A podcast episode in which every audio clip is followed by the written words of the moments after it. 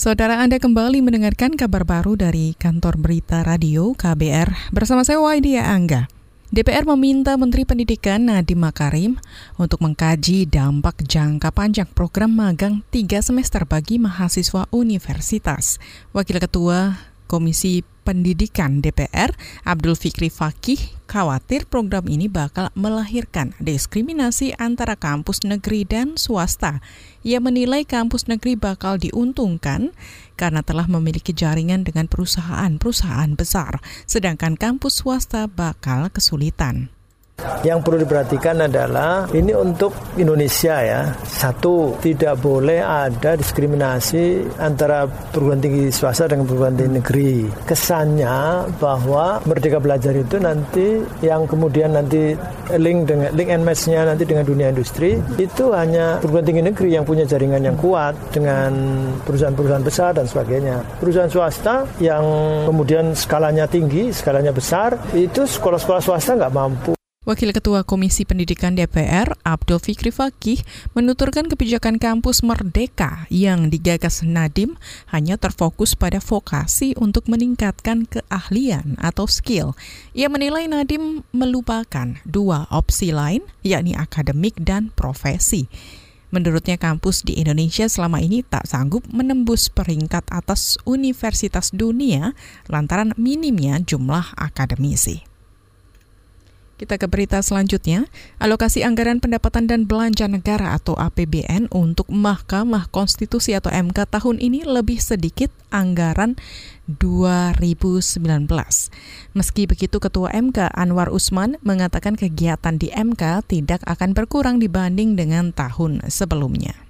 Untuk tahun 2020, MK hanya mendapatkan alokasi anggaran sebesar 246 miliar 215 juta 842 ribu rupiah. Jumlah ini jauh lebih sedikit bahkan tidak sampai separuh dibandingkan tahun 2019 sebesar 539 miliar 645 juta 401 ribu rupiah. Ketua MK Anwar Usman mengatakan anggaran 2020 ini akan dialokasikan ke beberapa kegiatan, semisal penanganan perkara perselisihan Pilkada 2020, peningkatan kualitas putusan, kegiatan pendidikan dan pemahaman hak konstitusional warga negara. Kegiatan lain adalah peningkatan kegiatan kerja sama dalam dan luar negeri. Kita beralih ke Papua. Kepolisian daerah atau Polda Papua saat ini tengah mendalami dugaan penganiayaan yang dilakukan kelompok bersenjata pimpinan Legakak Talenggen di Sugapa Intan Jaya. Selain itu, menurut, menurut Kapolda Papua, Paulus Waterpau, uh, polisi juga tengah berupaya mengevakuasi para pekerja di salah satu perusahaan. Namun Paulus enggan menjelaskan lebih detail terkait para pekerja yang akan dievakuasi dan perusahaan tersebut. Iya, tuh mereka kan terlalu membuat. Ini ada juga yang kita sedang dalami karena mereka juga menganiaya masyarakat sipil. Oh, menganiaya seperti apa tuh Pak? Ada yang bekerja di perusahaan itu.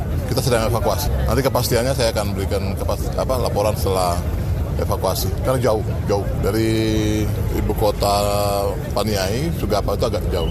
Kecamatannya terpencil dan tidak ada hubungan komunikasi. Tapi maksud saya ya itulah apa fakta bahwa mereka terus terus menunjukkan eksistensi mereka gitu. Kami tangani terus. Kapolda Papua Paulus Waterpau akhir pekan lalu uh, seorang anggota kelompok bersenjata pimpinan Lekagak Talenggeng ditangkap polisi. Penangkapan dilakukan di hari yang sama usai baku tembak antara aparat dan kelompok bersenjata.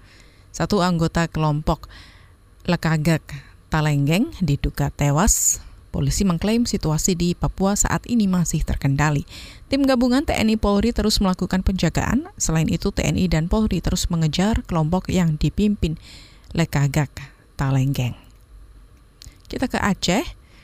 Nelayan Aceh Barat menemukan sebuah kapal milik nelayan asal Iran terombang-ambing di Samudra Hindia sekitar 18 mil dari wilayah perairan Molaboh. Kapal tersebut ditemukan Senin kemarin dan di dalam kapal itu terdapat 14 orang diduga warga negara Iran. Nelayan Aceh Barat yang menemukan kapal itu lantas mengontak Posar Melaboh Kepala Posar Melabuh Dwi Hetno mengatakan kapal mereka mati mesin dan terbawa arus ke Samudra Hindia. Oh, kalau yang kita dapat informasi sih mereka mati mesin, ah? kemudian ada dibajak juga di Somalia. Tapi kita lagi cari data yang akurat, saya belum bisa kasih keterangan yang lebih kan. Hmm. Lagi sedang diselidiki juga ini sama seluruh unsur lah. Kalau menurut pengakuan mereka, mereka mau ke mana Pak? Uh, mereka mencari ikan, mencari ikan tapi kena bajak di daerah Somalia, kemudian mengalami mati mesin, ini terapung-apung kalau dari pengakuan mereka. Kepala Posar Melabuh Dwi Hetno menjelaskan belasan nelayan Iran itu mengaku mencari ikan di perairan Maladewa. Namun keterangan itu masih didalami dan Kepala Posar telah berkoordinasi dengan kantor imigrasi 2 non-TPI Melapo untuk pemeriksaan lebih lanjut. Dwi Hetno menaruh curiga terhadap nelayan Iran tersebut, itu lantaran ke-14 orang tersebut tidak seperti nelayan pada umumnya. Saat ini kapal nelayan Iran itu masih melabuh jangkar sekitar satu mil dari perairan Aceh Barat. Otoritas terkait di Aceh Barat juga mengaku mengalami kendala bahasa. Saudara demikian kabar baru dari KBR, saya Waidia Angga.